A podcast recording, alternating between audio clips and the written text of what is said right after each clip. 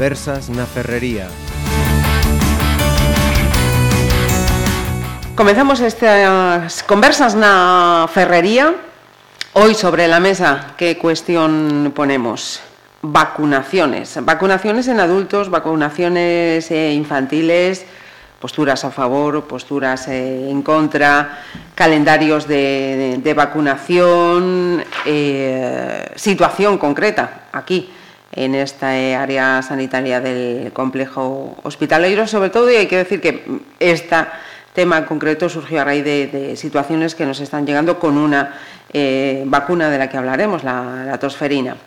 Paso a presentar seguidamente a nuestros eh, contertulios. En, en, esta ocasión eh, tenemos a Víctor eh, Sariego, que no puede acompañarnos aquí en los estudios de Pontevedra Viva Radio, mm, pero eh, nos va a acompañar en esta tertulia vía telefónica y en este caso eh, con un criterio, un posicionamiento desfavorable, si no me equivoco, a, a la vacunación. Víctor, saludos. Hola, buenos días, saludos, sí. Yo os, matizaré la, la, postura, ¿de acuerdo? Aquí en el estudio tenemos a Victoria Portas, bienvenida. Muchas gracias. Eh, que en este caso eh, é unha nai que, sí. que defende a, a vacunación, ¿no? Sí, a miña tesis é esa, e vos explicaré o porqué.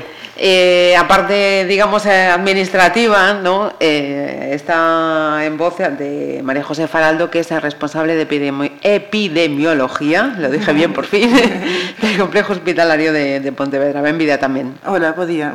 Situámonos, si, si vos parece, eh, no contexto xeral en España.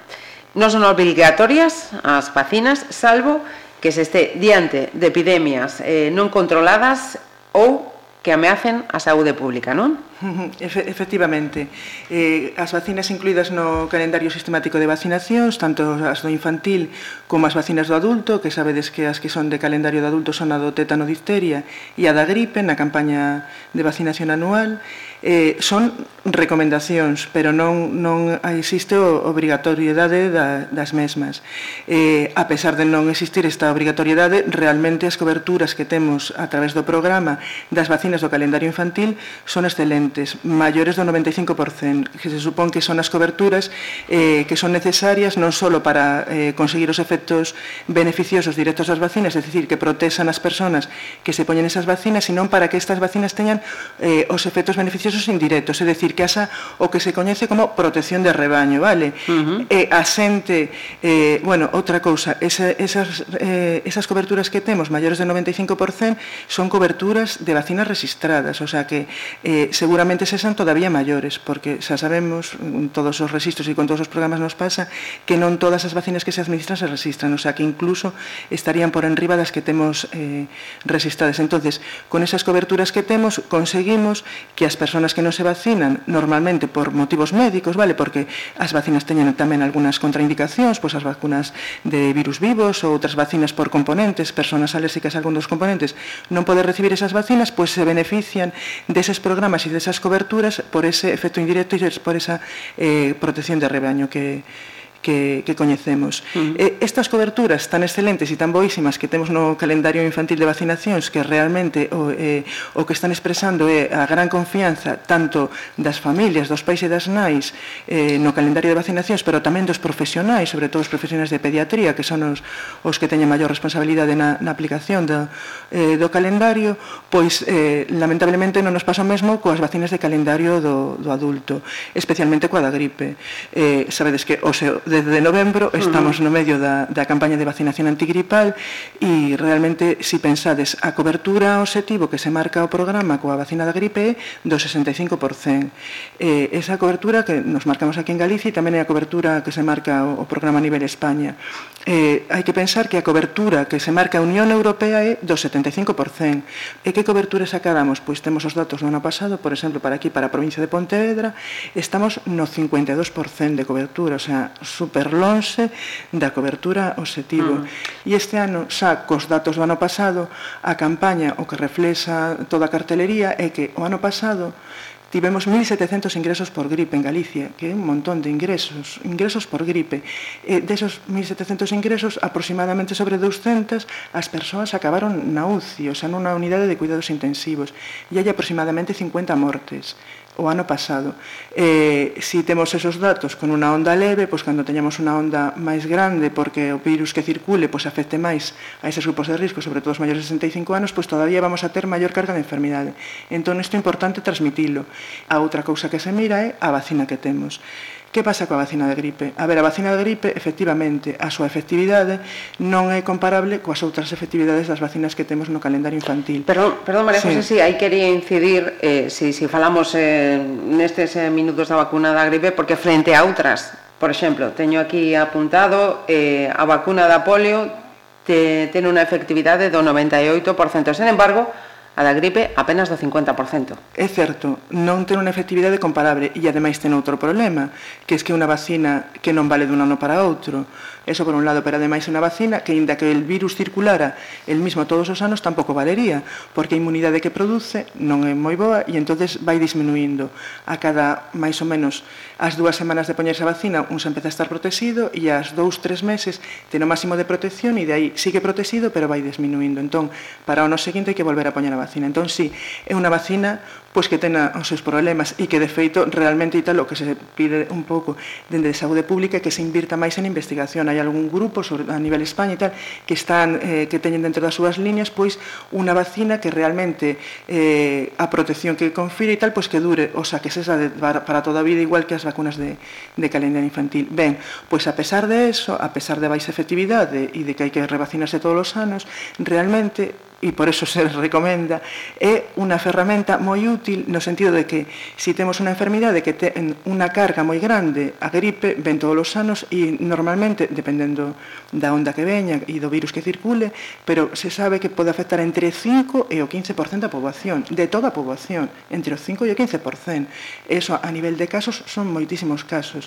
E outra cousa, inda que se produzca enfermidade, inda que se produzca infección, a pesar de poñernos a vacina, o que sí que está claro e hai un montón de estudios que así o demostran, é que previene as complicaciones, previene as hospitalizaciones, os 1.700 ingresos que tivemos, recordamos aquí do, dos segundos, maiores de 60 anos, sobre todo a partir de 65 anos, e despois persoas que pertenzan a algún dos grupos de risco, eh, patoloxías cardiovasculares, patoloxías respiratorias, diabetes, calquera patoloxía crónica, porque sabemos que a gripe non só produce gripe, senón que ademais o que produce é un empeoramento da situación de base, inda que non é a vacina que nos gustaría ter, pois é moi recomendable. Logo, se te parece, voltamos ás, ás campañas de, de vacunación, os obxectivos eh, e unhas cuantas cousiñas que hai aí tamén de, de interés. Eh, centrando no, no tema dos, dos máis eh, pequenos, dende a Asociación Española de, de Pediatría na 2015, o pasado ano, eh, se manifestaron eh, contrarios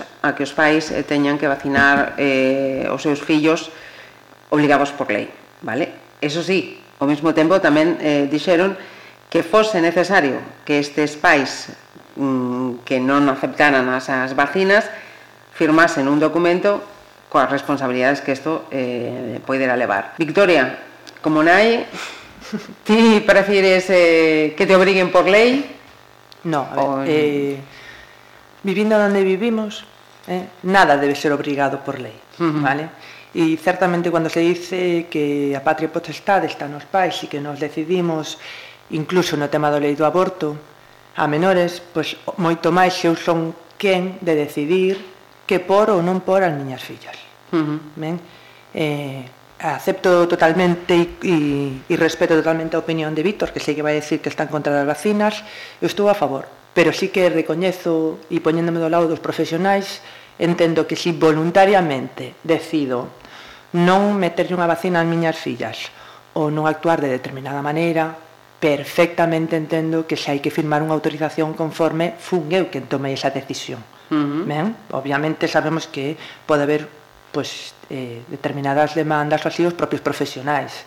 Entón, os pais temos que ser conscientes e unha vez tomada a decisión máis importante que podes tomar na túa vida que ter fillos ou non telos, uh -huh. para min eh, foi o paso e a decisión máis grande que fai que hoxendía fago o que fago e ter que haber deixado cousas por ter as miñas fillas, tamén son eu quen de decidir que o que creo que pode axudar ou non axudar os meus fillos uh -huh. e totalmente respeto a decisión dos, dos demais que tomen unha decisión contraria á miña entón, sempre voluntariamente sempre sobre todas as cousas uh -huh. pero obviamente, se eu tomo a decisión de facer algo é a miña responsabilidade e non é a responsabilidade dos profesionais principalmente, uh -huh. porque son traballadores, sen máis uh -huh. Víctor, Bueno, hay mucho que matizar, ¿no?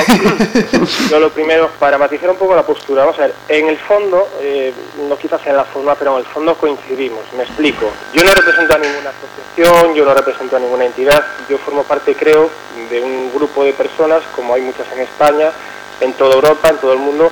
No es que estemos eh, en contra de las vacunas, no es que seamos antivacunas, eh, no hay mm, una, una bueno, maquiavelismo en contra de los avances sanitarios, todo lo contrario, ¿no? No se pueden negar los avances, no se puede negar eh, pues, pues que algo ocurre, pero eh, hay que hacer muchas matizaciones. Nosotros estamos a favor de la libertad de vacunación. Esta libertad de vacunación, como se está haciendo aquí, se están aportando datos, se está hablando científicamente, es lo que hace falta a nivel colectivo, a nivel popular, para que los padres, en este caso, puedan decir, mira, no me convence, si me convence, o tengo una alternativa, no la tengo, o mi hijo no es igual que el de al lado y no se le puede poner la misma eh, vacuna, ¿no? Porque, como bien estáis diciendo, eh, vamos a ver, eh, se trata de cuestionar la eficacia y la seguridad de algunas vacunas y de algunas campañas. ¿no? Luego lo de que los padres tengan que firmar algo obligatorio, pues a nosotros, a mí particularmente me parece un chantaje de la administración para evitar, para evitar eh, responder en casos que no son epidemias, que es cuando se hay que poner las vacunas. ¿no? De hecho, eh, cuando una administración obliga a las personas a vacunarse, en este caso a los niños, está incumpliendo un derecho que tienen todos los ciudadanos, sobre todo a recibir información.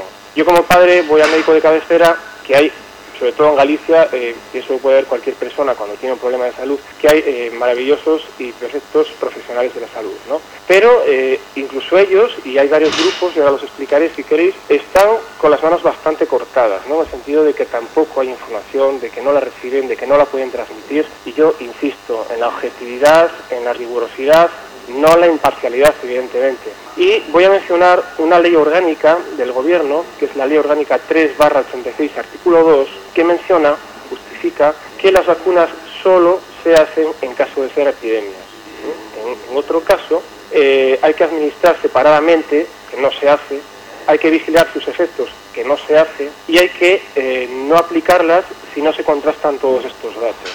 Aquí hay un problema. Eh, el, tema de las investigaciones, eh, en muchos casos, sobre todo con enfermedades que ya hacía 30 años que no existían, como la tosferina, por ejemplo, y hablamos del caso de Olot, si del año pasado, pues claro, no es una epidemia, es un caso aislado que por desgracia, bueno, pues murió un niño, bastante tienen los padres con ello, pero aquí lo que se cuestionó eh, no fue la no vacunación, sino el tratamiento que se dio específico para ese caso, ¿no?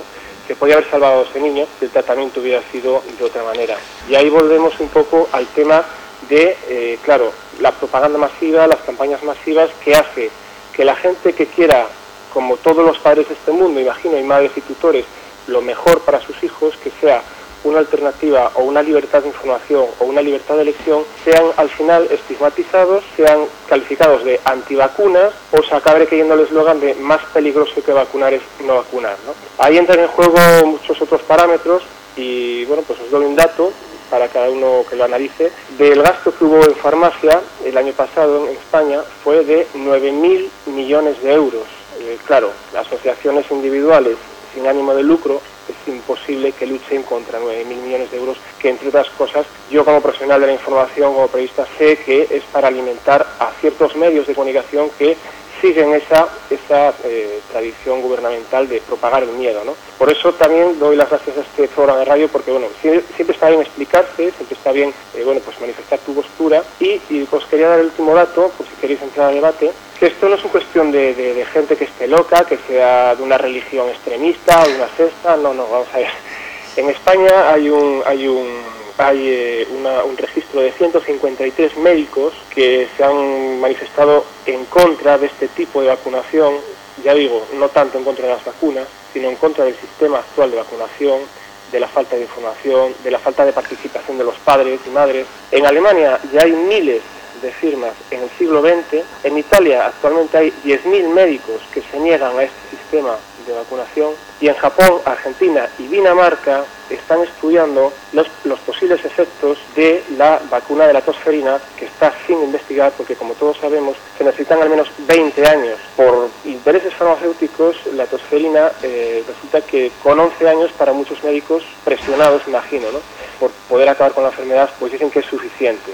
Cuando se está dando cuenta, pues bueno, pues que entre otros, entre otros componentes, pues el tiomersal, el polio, el aluminio, el mercurio, fenosetanol, polisorbato 80, son todo componentes de estas vacunas que habían sido eh, eh, invalidadas en 2003, se han vuelto a 2013, perdón, se han vuelto a utilizar y son de alta capacidad lesiva. Eh, yo como padre, si a mí me dicen esto cuando voy a poner una vacuna, digo, por lo menos, por lo menos, digo, bueno, a ver, mm, hay alternativas, hay otro tipo de vacunas, se puede hacer otra cosa, si no es una epidemia hay una cura, en fin, van un poco en ese, en ese sentido. ¿no? Uh -huh. eh, creo, eh, Víctor, que, que, María José me hacía aquí un, una señal porque quería eh, replicar alguna de las cosillas que, que estabas eh, comentando. Si te parece, eh, le escuchamos.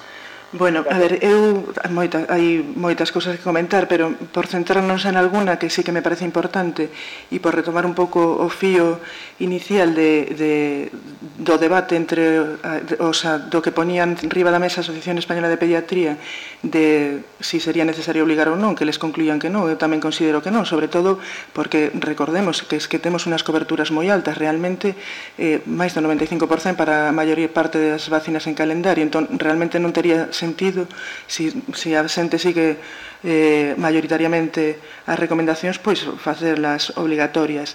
Eh, os sentido de, do certificado da firma dos pais, eh, eu entendo que é unha garantía non solamente para o facultativo e para, para o sistema, eh, sino que é unha garantía para os pais, porque eso, e para as nais, o sea, eso é unha especie de consentimento informado.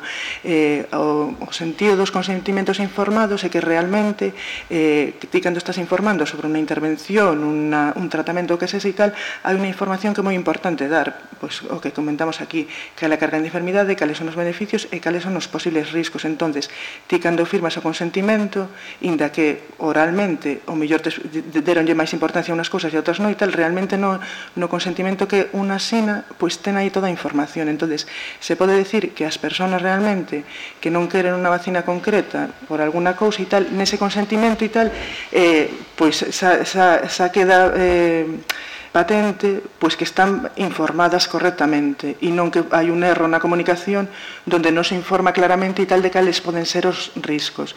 Por que digo isto? Porque, eh, vamos a ver, eh, moita xente, unha das cuestionamentos de, de, de unha parte das persoas que, que receitan algunhas das vacinas de calendario é porque din que as enfermidades que estamos previndo pois que xa non, que xa non existen, que xa non teñen risco. Pois un caso claro pois sería a polio.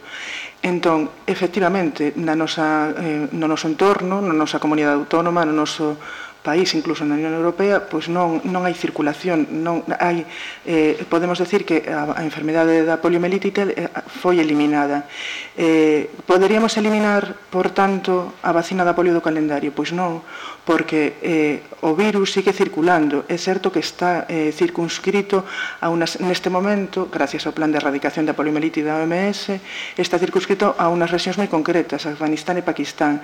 E, e a probabilidade de, de ter un caso de polio aquí pois, pois é moi difícil, pero é moi difícil porque temos unhas coberturas moi altas de vacinación, o sea, a garantía que temos de que non de, de, de que esa situación de eliminación pode continuar é precisamente a cobertura alta.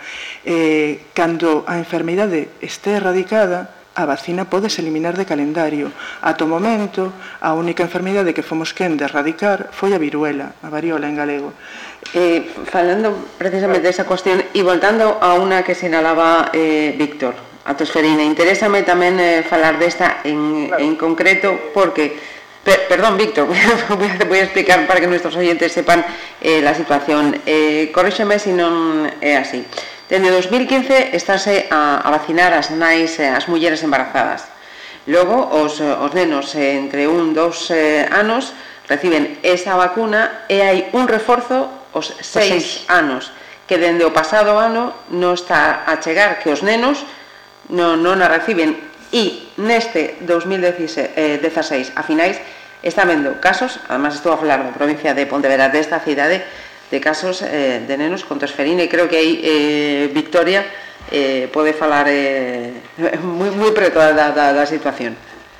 Sí, certamente, a ver, decir que justamente as miñas fillas están nese grupo de idade Unha vez cumplidos os seis anos se supón que deberían ter un reforzo onde está a tosferina, onde está o tétano é unha triple vírica, do calendario de vacinación e eh, nos comunican que non hai dita vacina, pois, o sea, ao que se nos comenta por parte dos pediatras é que, bueno, hubo algo que non funcionou na creación desa vacina, entonces que retiran as que hai e que xa se nos avisará eh, para poñela.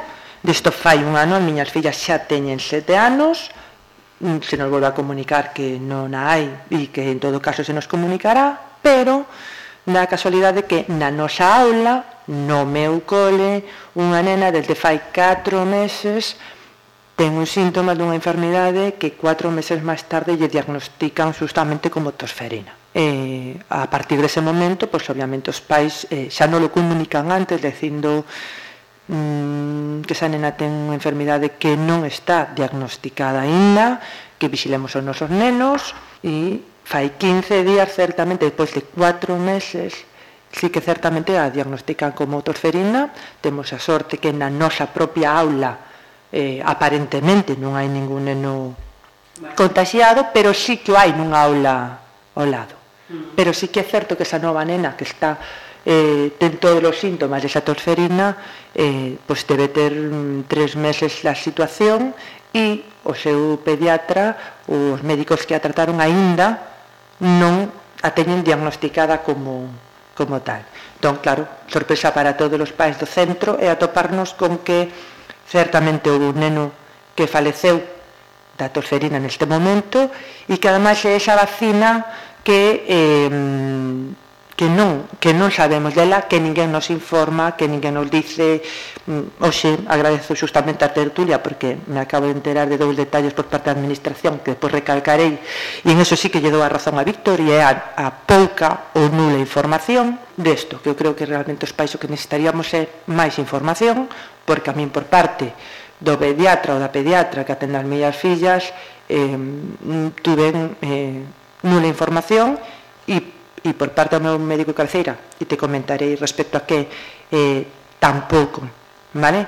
entón, digamos que os pais do centro estamos eh, preocupados ou al menos os pais que somos conscientes do peligro que pode supoñer unha terferina neste momento eh, de que ninguén nos informe que o que pasa coa vacina realmente, se vamos a ter que facer como a do meningitis e ir a comprarla a Portugal, porque aquí non hai, se se vai seguir poñendo no calendario, se importaba, xa que xa falamos antes, pero un pouco para que ela o matice, se esa vacina que en este momento nos saltamos con seis aniños a podemos recuperar no futuro, entón, eso sí que son cousas que non se nos comunica, que a Administración uh -huh. non nos proporciona esa información, e sí que lle dou a razón eh, en parte a Víctor, neste caso é que igual que eu quero dar autorización ou non autorización de que vacinen as miñas fillas, eu tamén me gustaría que por parte da administración, se chegado o momento no calendario que eu defendo, porque eu sí defendo o calendario de, de vacinas me comunique, na que sexa por escrito, e eu estou encantada de que así mo deo facultativo que lle corresponde, que ven sendo a pediatra das miñas fillas, un documento onde me diga por que non se pon ou porque si se pon e realmente que risco ou cando podería poñerllo, porque si que é certo que entras máis nos preguntamos te puxeron a vacuna, non xa puxeron, ahora temos esta situación, que vai acontecer, eh, quais son os síntomas, o sea, ahora a mamá e as mamás que temos no centro con este problema coas súas fillas estamos preguntando realmente cuáles son os síntomas. Claro. porque nos está preocupando porque as súa nena, si sí, é certo o sea, eu son consciente de que xa estamos fora da, do momento de contagio co cual neste momento estamos pois, moito máis tranquilos porque cuatro meses despois se supón que xa non contaxe ainda que ela o porte pero sí que é certo que non houve información ao respecto. Non a hai, non a temos. Sí, se me permitís en ese sentido. Sí claro, tanto María José como Victoria, evidentemente uno de los problemas que hay es que ni siquiera los propios eh, profesionales médicos tienen toda la información. Luego hay otro problema, la administración, claro, no puede hacerse responsable, evidentemente, porque si se hace responsable o obliga a los padres a firmar ese documento para que se hagan responsables, ellos tendrían que responder al 100% y eso no pueden hacerlo porque saben que todas las vacunas tienen un margen de error y, bueno, es más cómodo también asistir siempre pues la teoría que, desde la administración se puede un poco englobar. Esto, esto redunda, pienso yo, en la calidad del, sistema sanitario, en ahorrar costes y en una mejor calidad de vida, porque no nos olvidemos que las vacunas eh, en muchos casos no, no, no erradican la, la, enfermedad. De hecho, eh, la gente vacunada sigue siendo portadora. Entonces, claro, muchas veces las condiciones de vida, los cambios socioeconómicos son los que realmente eh, erradican una enfermedad. Y en ese caso que hablábamos de polio, mencionar que mm, sí, esté erradicada sin embargo, muchas vacunas le añaden polio a la vacuna. Aunque te estés poniendo una vacuna de, para una enfermedad, también lleva incorporada la de polio. ¿no? Y ese es uno de los problemas de los que yo como padre, por la libertad de vacunación, exijo. Es decir, eh, mi hijo no es igual que el de al lado. Pues hombre, tender un poco a la medicina, digamos, eh, holística y decir, bueno, pues eh, esta persona tiene unos antecedentes de alergias o tiene unos antecedentes de intolerancias a ciertos componentes de las vacunas que no se mencionan en ningún, en regulado y se deberían de tener en cuenta. ¿no? Estamos en una época que, bueno, la globalización, los avances digitales nos permiten ser consumidores, cosas niñas, ¿no? mucho más exigentes, ¿por qué no en esta? Eh? Perfecto, María José, creo que... bueno, a ver, que hai tantas cousas que, que no, non sei se me dará para, para contestar esta tertulia para contestar a todo. Primeiro, e moi importante, e antes de pasar ao tema da toseferina, a ver, as vacinas, non se pode decir que as vacinas sean lesivas, o sea, pero en absoluto. As vacinas temos que pensar que son medicamentos, efectivamente, eh, que como todos os medicamentos pois poden ter as súas adversas, ningún tratamento está exento de reaccións adversas, pero que pensemos que son unos eh, compostos que lle administramos a persoas sanas, co cal a garantía de seguridade destes compostos pois é moitísimo máis alta da que se lle pide a outros produtos que tamén se administran como tratamento para, para enfermidades. Eh, ninguna vacina do calendario noso do Programa Galego de Vacinacións leva tiomersal, que é o composto derivado do mercurio eh, que se utiliza como conservante para algunas vacinas. ¿Para que vacinas normalmente? Pois se utiliza como conservante para vacinas multidosis. Sabedes que hai algunas vacinas que veñen en un envase multidosis, o sea, que do mesmo envase se, sacan, eh, se pode administrar diferentes dosis a diferentes persoas e e non temos desas vacinas no programa. Esas vacinas a veces se utilizan pois, no caso de pandemias ou de campañas urgentes que se xa necesario en, un, en contextos moi determinados pois, vacinar a moita xente en pouco tempo. Non é o caso do noso programa e non é o caso das vacinas que administramos. Non teñen dimersal nin, nin derivados do mercurio. Si que é certo que poden ter outros compostos e si que é certo que as, as persoas poden ser alérxicas a eses compostos e entonces teñen contraindicada a vacina. Estarían nese pequeno grupo de persoas que non se poden administrar administrar as vacinas e que entonces se van a beneficiar ou deberían beneficiarse, bueno, neste caso se benefician claramente e tal, de alta cobertura que teñen as enfermidades para estar protegidos tamén, porque as coberturas altas que iso que hai que ter claro. Se si deixamos de vacinar de polio porque pensamos que non existe risco en un contexto onde non está erradicada a nivel mundial, inda que este eliminada a circulación no noso nivel, en calquera momento, en canto baixen as coberturas, se si eses virus siguen circulando, pois pues poden, podemos ter casos. Eh, no caso, por exemplo, do neno de Olot, eh, que o millor o tratamento foi errado, non sei, non hai datos, non creo que teña ninguén datos. Hai datos, hai datos. Eh, pero atende, o que si sí está claro, o que si sí está clarísimo que o neno tivo enfermidade porque non estaba vacinado. Eso está pero clarísimo. No no se puede concluir eso, aparte de que, vamos a ver, el, el, tema no es la vacuna o no la vacuna, el tema es que el tratamiento que se le dio no era el adecuado. Y respecto a lo que decías anteriormente, eh, por supuesto, a ver, eh, la administración está garantizando, o sea, está asumiendo que no son del todo seguras y que tú dices que hay que informar, por supuesto, eso es lo que queremos y eso es lo que el, el problema que no se hace. Justo no se informa ni se analiza a las personas previamente, se analiza a todo el mundo por igual y con toda la vacuna para todo el mundo por igual. ¿no? Y esto se ha visto claramente en las vacunas de, de, la gripe A, que fue una psicosis tremenda, de hecho a mí me tocó cubrirla a nivel informativo en Galicia y bueno, pues en ese caso se gastaron 40 millones de euros para comprar unas vacunas anticipadamente, sin tener ninguna conclusión ni ninguna investigación de los profesionales de salud, que es a los que se debe consultar evidentemente, y el gobierno gastó 40 millones de euros en vacunas que luego tuvo que destruir porque apenas unos cientos de personas se la inocularon. Entonces, bueno,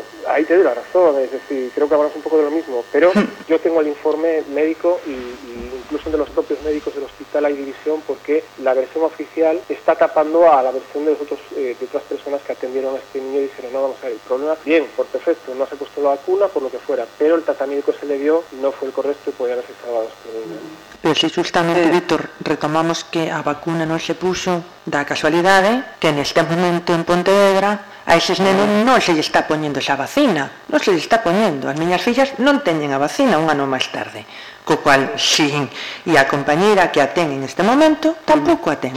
Nin ela, nin os outros nenos. sí entón que- algo que sí que teníamos que aclarar, Sí, yo quería con especial sí, que contestarse esa situación que es la que tenemos ahora sobre la mesa de forma más cercana. Vale, bueno, o neno eh, que faleceu ano, eh, ano pasado, no 2015, era un caso de difteria.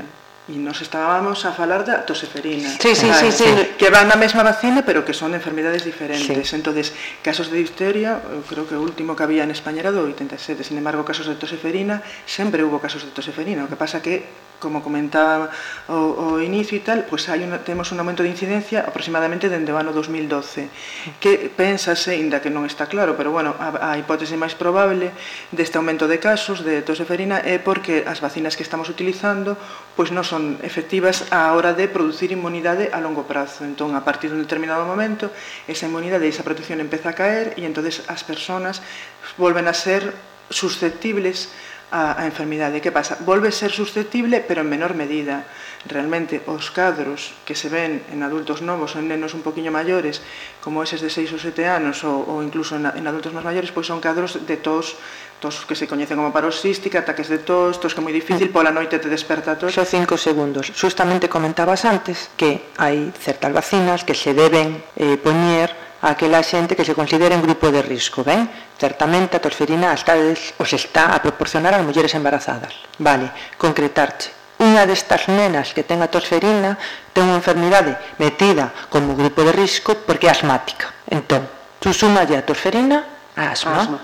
É que a preocupación. Eu considero que igual que as embarazadas se está a proporcionar, neste caso, sí que se debería valorar meter a eses nenos que poden estar nun grupo de risco. Si que dá casualidade, por exemplo, que as miña Lena non sería a situación, pero si que un dos dous casos que temos é ese, para min si que é un grupo de, de risco e se lle tardou cuatro meses en diagnosticar a tosferina. Cuatro meses aquí en Pontevedra. O sea, como comprenderás, lle hubiera dado tempo a que se lle complicase o cadro moitísimo máis. Sí, pero bueno, afortunadamente non se lle complicou. Sí, entón, afortunadamente. Claro, entón o que temos que pensar efectivamente, hai unha situación de, desab de desabastecemento da vacina da toseferina, do reforzo dos seis anos, da que es de baixa, baixa carga antisénica eh, e entón coas poucas doses que hai, cos doses que hai disponibles, priorízase a nivel do programa eh, vacinar as mulleres embarazadas porque así desa forma vamos, podemos conseguir a través de la inmunidade pasiva que as nais transfirenlle aos bebés cando nacen, podemos ter protegidos os bebés, que realmente é donde temos os casos graves, os casos que ingresan no hospital pois, e os casos que ao final poden acabar en, en falecemento, que son neste grupo de idade de menores dun ano. Pensade que a primeira dose de vacina é aos dous meses, entonces se a nai non se vacina durante o embarazo, entre 0 e 2 meses ese neno está totalmente desprotegido sido. E incluso despois, ainda que se poña a primeira dose e tal, pois hasta o ano de vida eh, se considerase que o, o grupo prioritario para, para recibir a vacina. Eh, o que falábamos antes, eh, cando, teñamos, cando, cando vamos a ter outra vez vacina? Pois que non se sabe, xa pensábamos ter esa vacina para este ano, para 2016, e ao final non a tivemos. Tivemos que seguir co programa de, de vacinación en, en embarazo priorizando esas doses para, para ese grupo.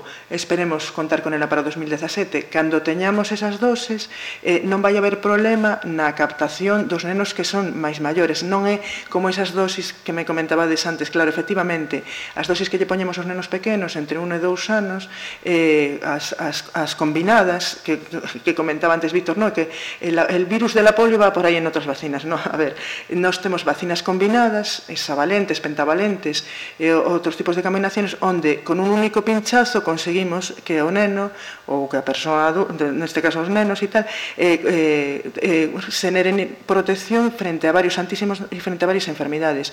Eso eh, simplifica a sistemática do programa, aumenta a aceptabilidade do programa, porque realmente cando empezamos a pinchar aos, os pequenos, cando, cando son bebés e recién nacidos, pois tamén eso a veces genera reseitamento cando hai moitos pinchazos que dar. entonces esas vacunas combinadas de varios compostos, en concreto a polio, pois efectivamente leva difteria, leva tétanos, leva toseferina, leva eh, el hemófilos, influenza, que é unha bacteria eh, que, que produce cadros de sepsis e de meningitis similar a, a, ao meningococo, pois eso vai todo na mesma vacina. entonces eu considero que é maravilloso poder recibir un único pinchazo con todas, con, o sea, que te vaya a conferir protección para todas as enfermedades. Entón, referente a toseferina a, a, a dose que se administra aos seis anos, que é a dose esa de base carga antisénica de toseferina que leva tamén difteria e tétanos, non hai problema en administrarla aos 7, 8, 9, incluso máis maiores. De feito, en algúns programas, antes de estar en esta situación, falábase de que aos 14 anos, que sabedes que temos un recordo de difteria e tétanos, pois algúns programas estaban falando de, da conveniencia precisamente, como se veía que a toseferina cada vez tiñamos máis casos, pois de poñer unha dosis de recordo aos 14 anos. Entón, non vai haber problema en que eses nenos teñan 7, 8 anos e reciban esa vacina. O problema é cando vamos a ter a vacina, que iso... Aí, aí está, e podíamos entrar en outro debate. Sí. Eh, Cal é o motivo efectivamente, que non a teñamos efectivamente. no siglo no que estamos? Porque eu a mm. teño, teño 40. Entón non entendo como no siglo que estamos podamos decir que hai unhas dosis de vacina e que non chegan para a poboación xa, é que xuberon moita xente como Víctor que non está pola labor de poñelas, ao mellor ainda nos chegaban, pero increíble é que estando no século que estamos, nos están recortando por todos os sitios, non nos dicen por que recortan, e ora de repente nos faltan a vacina e ninguén nos informa de quen é a culpa de que nós non teñamos a vacina, porque hai un número de dosis, pero quixéramos saber por qué. Víctor, creo que está... Estamos de nuevo, sí, estamos de nuevo con las estigmatización de los padres cuando hay desconocimiento, cuando no se sabe lo que, a lo que se puede uno atener o cómo se pueden hacer las cosas. Hay una estigmatización de los padres, lo primero, y luego para mí me parece una postura política peligrosa. Es decir, yo eh, regulo este tema y pues eh, restrinjo porque eh, si fuera obligatorio, si yo tuviera responsabilidad, tendría que ser una vacuna gratis. Ese es todos los problemas, que tampoco es gratuito. La Administración no está obligada a hacer una vacunación gratuita si, si no es obligatoria. Entonces ahí vemos que también hay, a pesar de lo que sería de lo maravilloso que puede ser vacunar de muchas cosas me parece un poco absurdo si se tiene que vacunar varias veces y cuando la Administración está reconociendo que realmente ni hace todo bien lo que debería hacer, ni cuenta todo lo que hay. Y insisto, es, es simple y llanamente ser conscientes de que haya mayor información, de que haya mayor comunicación y de que, bueno, que haya voces discordantes que, que no se tengan como, como dogmáticas, sino como también como una cierta preocupación que pueden tener los padres lógica de que, de que se hagan bien las cosas. ¿no? María José. Sí, a ver, no, bueno, non sei se si, si, maior se me malinterpretou, pero en absoluto se trata de estigmatizar as persoas que, que non queren vacinar os seus fillos, todo o contrario, se precisamente eu comentaba do consentimento informado porque é unha garantía de que realmente esas personas e esas familias están eh, sendo informadas correctamente. Eh, nos partimos da base de que todos os países nais o que buscan é o benestar maior dos seus fillos, entonces realmente eh, cando unha persona ten dúbidas, está preocupada ou eh, eh, mm, dubida ou cuestiona algo como calendario sistemático de vacinacións, non, que realmente é unha recomendación poboacional, non é como outras vacinas, que la recomendación é individual, entonces aí sí que pode haber outros elementos eh, que maticen as indicacións, pois a ti por, por esto, por esto outro, pero realmente cando eh, atopámonos con familias e tal que recitan o calendario de vacinacións ou alguna vacina en concreto do calendario, o que hai que investigar é por que ese receitamento porque pode ser polo que decides, pois porque falta información, non estamos eh, correctamente informados, bueno, eh, porque non se se nos informa de cales son os riscos da enfermidade. Bueno, pois hai que informar, o sea, hai que ver cal é a preocupación concreta, o que comentabas ti, non, que estamos preocupados pola, polo contido en mercurio, bueno, pois eh, hai que informar, pois non ten mercurio, non te preocupes, non, non, non, non vai a haber ningún problema en, en ese sentido.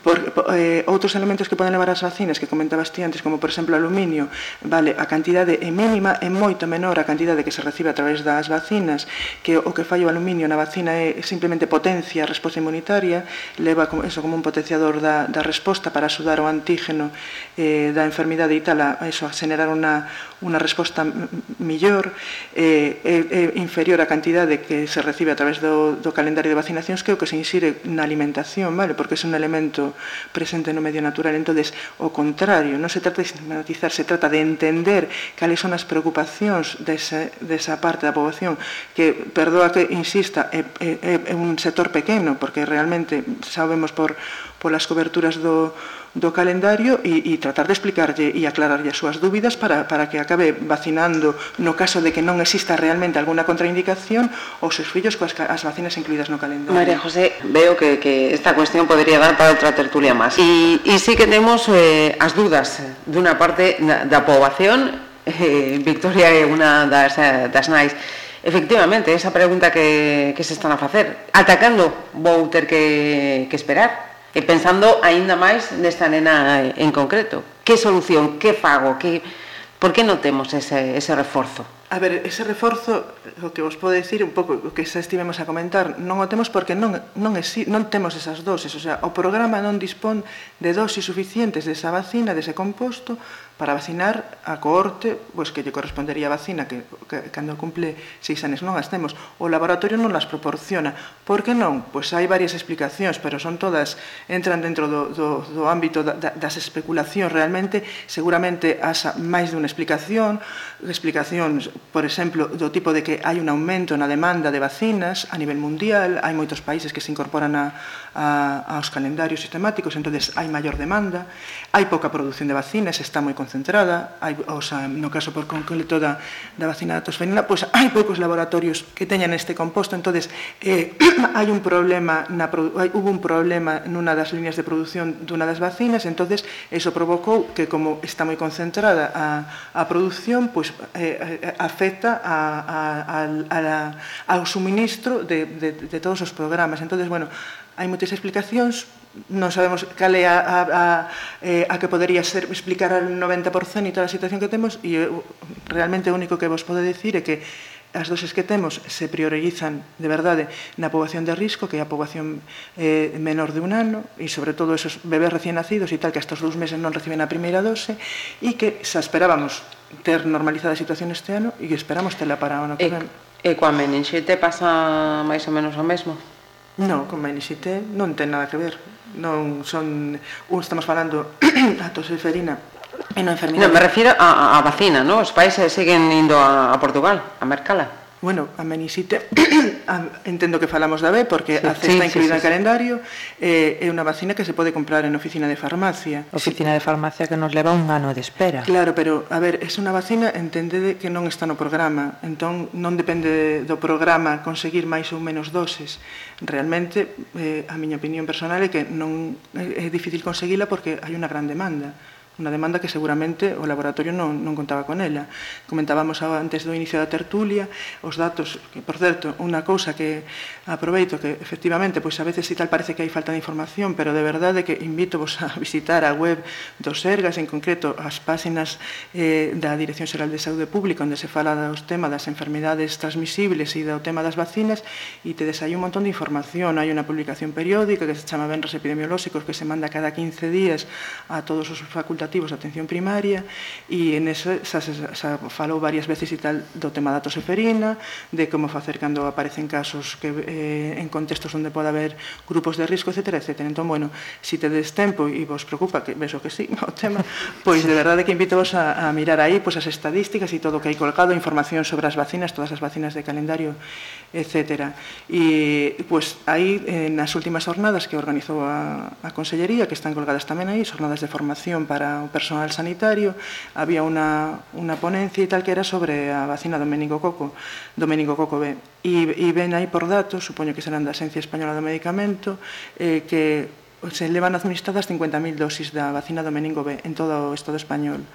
Desas 50.000 dosis, aproximadamente 30.000 corresponden á Comunidade Autónoma Galega. 30.000 dosis é eh? unha barbaridade de dosis administradas, o sea, fora do calendario de, de, de vacinacións eh, sistemáticas.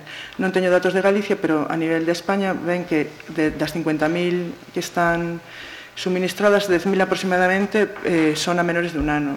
E eh, realmente son os menores de un ano. Cando falábamos antes de carga de enfermidade, calo impacto eh, das estrategias que poñemos en marcha, pois realmente o risco maior é nos menores. Vería parecido o da teseferina. Realmente a carga de enfermidade máis grande está na, nos máis pequenos. Entón, pois, creo que esa demanda tan grande é a que fai que sexa tan, eh, tan complicado conseguir dosis. Xa hai varias publicacións eh, da Consellería e tal, onde se di que, que se priorice as dosis no, nos menores, nos pequenos, nos menores de dous anos. O que creo que hai que aclarar é certamente os pais desexamos sempre o mellor para os nosos fillos, pero de repente non se nos dá a ocurrencia de comprarnos unha vacina como é a do meningitis B que vale cada dosis 98 euros neste momento e eu teño dúas a vez que poñer e ten tres refuerzos que colocar e incluso hasta o punto de que moitos papás están indo pasando o miño en Portugal porque a teñen o día, a vacina en Portugal está o día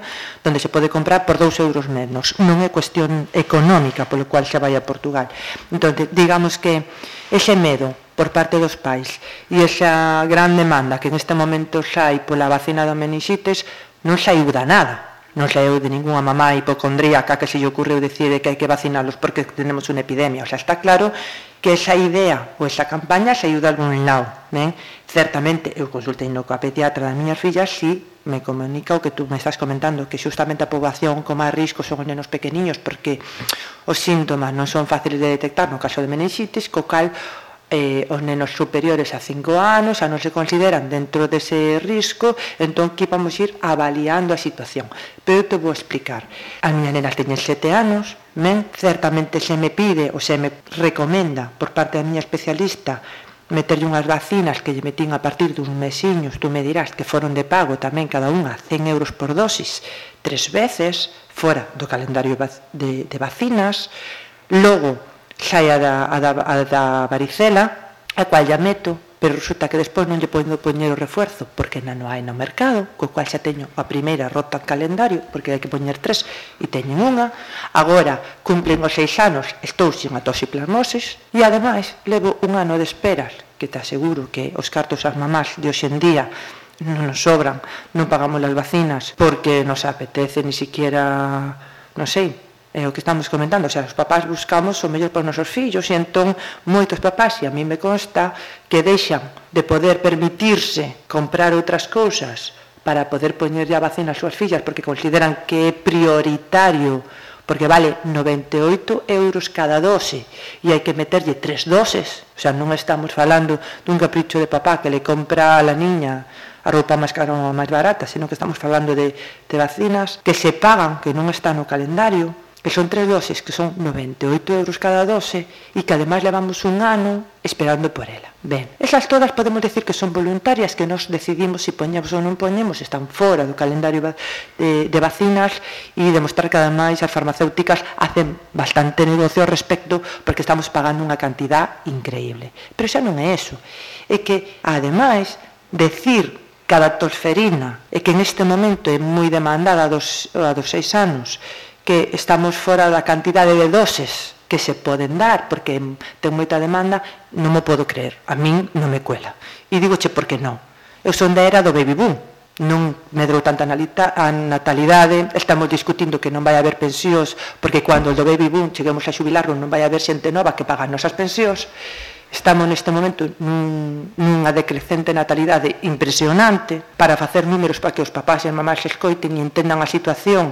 Na época do baby boom, en cada aula había 42 nenos, neste momento o máximo son 25, pero a maioría das aulas teñen 10. Eu non me podo creer que non existan dosis. Non me dan os números. Non dan, o sea, os nenos que, que cumplen este ano, o ano basado, os seis anos, é unha cuantía en nenos moitísimo inferior e tan moitísimo inferior que está por baixo do 50% de fai 40 anos. Eu fai 40 anos recibín a vacina dos 6 anos. Éramos moitísimos máis. Entón, por algún motivo, digamos que o Estado español fixo unha solicitude de demanda de dosis inferior porque realmente había descenso de natalidade, pero que dá casualidade que é certo que a natalidade sufriu unha subida eh? entre o ano pois, eh, 2000, 2000 e algo. Entón, agora sí que é certo que se nota nas aulas como un número máis elevado, pero seguimos na mesma, é dicir, dende fai 30 anos pa aquí, a natalidade inferior. Hai moitos menos nenos de 6 anos agora que o hai fai 30 anos. E as estadísticas están aí, e aí nos están vendendo todos os días que non nos vamos xubilar porque non hai natalidade suficiente para traballar, e que os que nos acercamos á idade de xubilación, en este caso, non vamos dereito a pensións. Entón, como podo entender eu que podamos seguir tendo o mesmo número de dosis cando antes éramos o duplo, por non dicir o triplo, de poboación claro. nese, nese marxen de, de idade. É, que o número non dan para os papás, é que non nos dan. Parece pareceme un problema económico básico. Non? Sí, aunque non o queiran recoñecer. Económico y político básico, es decir, las patentes, aunque se hagan en España, paradójicamente se venden a otros países que nos las vuelven a vender en forma de vacuna por un precio pues mil veces más. ¿no? Eh, esto se está viendo con, algunas epidemias. Entonces, es, como la oferta y la demanda. Si se cubre la, demanda por la administración, no va a ser, para ellos no va a ser rentable, sobre todo al precio que hay actualmente. ¿no? Y respecto a lo que hablabas de la meningitis B, yo tengo un informe de la eh, Agencia Española del Medicamento y de los laboratorios laboratorios eh, Novartis que eh, en contra de la Asociación Española de Pediatría eh, reconocen, bueno, además lo tienen por escrito, o sea, se puede acceder, no estamos diciendo, a, a todo este tipo de, de cifras, se puede acceder fácilmente. ¿no? uno, de lo, uno de los puntos que dice es que la incidencia de meningitis B en España es del 0,7 por cada 100.000 personas, ¿no? en edades inferiores a 5 años el 8 por cada 100.000. La letalidad es del 5 al 10% y sin embargo las secuelas son del 20%. Pues bueno, es un dato que, que, hay que tener bastante en cuenta. Y luego yo lo que sí coincidía con, con mi historia es decir, los padres evidentemente no podemos ser médicos, no podemos ser claro. profesionales de, de, de la sanidad, pero eso es un poco lo que yo creo que estamos pidiendo, es decir, a ver, no nos deis solo esa información, está muy bien, María José, sí que haya información en la administración, pero no nos deis solo esa información y solo en esa línea. Yo también necesito otro tipo de información, saber que podría o no haber alternativas, saber cómo puede incidir una vacuna eh, también a nivel, a nivel digamos, económico o de mercado o ideológico, ¿no? Es un tema aparte, pero bueno, pasa un poco con los alimentos transgénicos, pues que todavía no hay, saliendo un poco de madre, ¿no? No hay todavía una, una conclusión sobre si son beneficios perjudiciales, pero no, hay, hay ciudadanos o hay grupos de consumidores que dicen, bueno, pues yo por ideología tengo derecho a rechazar y necesito saber que cuando como algo es transgénico. Con esto pasaría un poquito igual. Sí, bueno, vamos, un poquito sí, igual. Y se parece, María José, vamos ya que estamos en una hora. Si queréis podemos eh, seguir la semana que viene y seguimos ampliando, vamos. Esto está interesantísimo, María José. Está para, está para mucho. Sí, sí, sí. sí. Bueno, eu creo que, que non, non se pode terminar e quedarse coa idea de que isto hai algún cuestionamiento, podemos eso, eh, plantexarnos o debate si estamos a favor ou en contra. O sea, eh, temos que ter claro que as, as vacinas o sea, son das ferramentas ferramentas máis potentes cos que contamos no momento actual eh, están entre, vamos, no, no, no top da, da, da, das innovacións científico-médicas dos últimos 150 anos, pois a altura, pois por exemplo, de algo como os antibióticos, a anestesia ou o saneamento. Entón, o sea, son incuestionables. Eh, as que están no calendario, que era unha cousa e tal que o mellor faltaba por falar e tal, por cando, como se decide que unha vacina entre en calendario e, como, e, e, ou, e, e consecuentemente entre en calendario e entonces de, de administración eh, sistemática a toda a poboación que, para que vai dirixida ou se deixa fora e entonces queda a valoración individual, vale? As vacinas que non son de calendario son de valoración individual, hai que facer unha valoración individual da persoa para ver se si pode beneficiarse ou non da vacina. E non vale para as vacinas que están fora de calendario, para ninguna das vacinas de fora de calendario, non vale, pois a, a todo o mundo le pode beneficiar, sí, porque é certo, todo o mundo pode beneficiarse, pero igual que para as outras e tal, hai que hacer un balance de beneficios riscos, cales son os beneficios, cales son os, os riscos para cada persona individual. Entón, como se decide se entra en calendario ou non? Bueno, pois hai unha serie de criterios, bueno, quen decide o que entra en calendario ou non, supoño que eh, o, saberedes ou non, o millor, eh, o Consello Interterritorial do Sistema Nacional de Sanidade, onde están representadas todas as comunidades autónomas, o Ministerio, etc., e ten un grupo técnico de asesoramento que, un, eh, que se chama que se coñece como a ponencia de vacinas que está formada por técnicos diferentes dos programas de vacinas das comunidades e de diferentes especialidades que son os que elaboran os informes en base aos cales a, o Consello to, adota as súas decisións. No caso, por exemplo, do Meningo B que, que estamos falando eh, que o que dio informe que tamén é público está colgado e seguramente é esa o que te Víctor que dio informe eh, que efectivamente pues, a carga de enfermidade unha carga relativa se se ve a incidencia a nivel de poboación xeral pois pues, é unha carga pequena pois pues, 0,7, un caso por 100.000 habitantes, pero se nos fixamos nos grupos de menoridade, pois so, creo que no informe de, eh, a nivel Estado español son sobre 10 casos e nos estamos en 20 casos por 100.000 eh, nenos menores de un ano. Vale, entón, eh, pois se fai un análisis da carga de enfermidade, E despois se fai un análisis que vos comentaba ao principio da efectividade da vacina. Ese é o primeiro paso para, para, para decidir se se mete unha vacina en programa ou non. Que di o informe do Ministerio de Efectividade da Vacina? Bueno, é do 2013, pois di que faltan moitos datos por saber. A vacina aprobouse en, en Xaneiro por la Agencia Europea do Medicamento eh, e, e, e por, por la Española do Medicamento pois un poquinho máis adiante. Entón, o que día a ponencia que a vacina aprobase en base a datos de inmunosenicidade é decir, que a vacina se lle e hai producindo anticorpos, pero que realmente non se sabe cales son pues, todo o que estamos falando todo o rato de canta enfermedade evita, canto tempo duran esos anticorpos, esos anticorpos son efectivos para cantos tipos de meningococo, etc. etc. Entonces, que faltaban datos por, por ver e, e sobre todo que faltaba ver cal sería o impacto eh, no caso de metela en un, en un calendario e vacinar a toda unha corte de nenos. Bueno, despois, eh, os seguintes pasos serían eh, ver como sería a repercusión no calendario, pois, por exemplo, na vacina esta en concreto e tal, valórase pois que unha vacina moi reactóxena, non? Produce fiebre, algunhas reaccións a, a nivel local, bueno, reacciones pequenas, o sea, nada comparable co, coa enfermidade, pero bueno, e que, e que podería interferir con outros antíxenos do calendario, entonces valórase todo eso a hora de introducir un máis.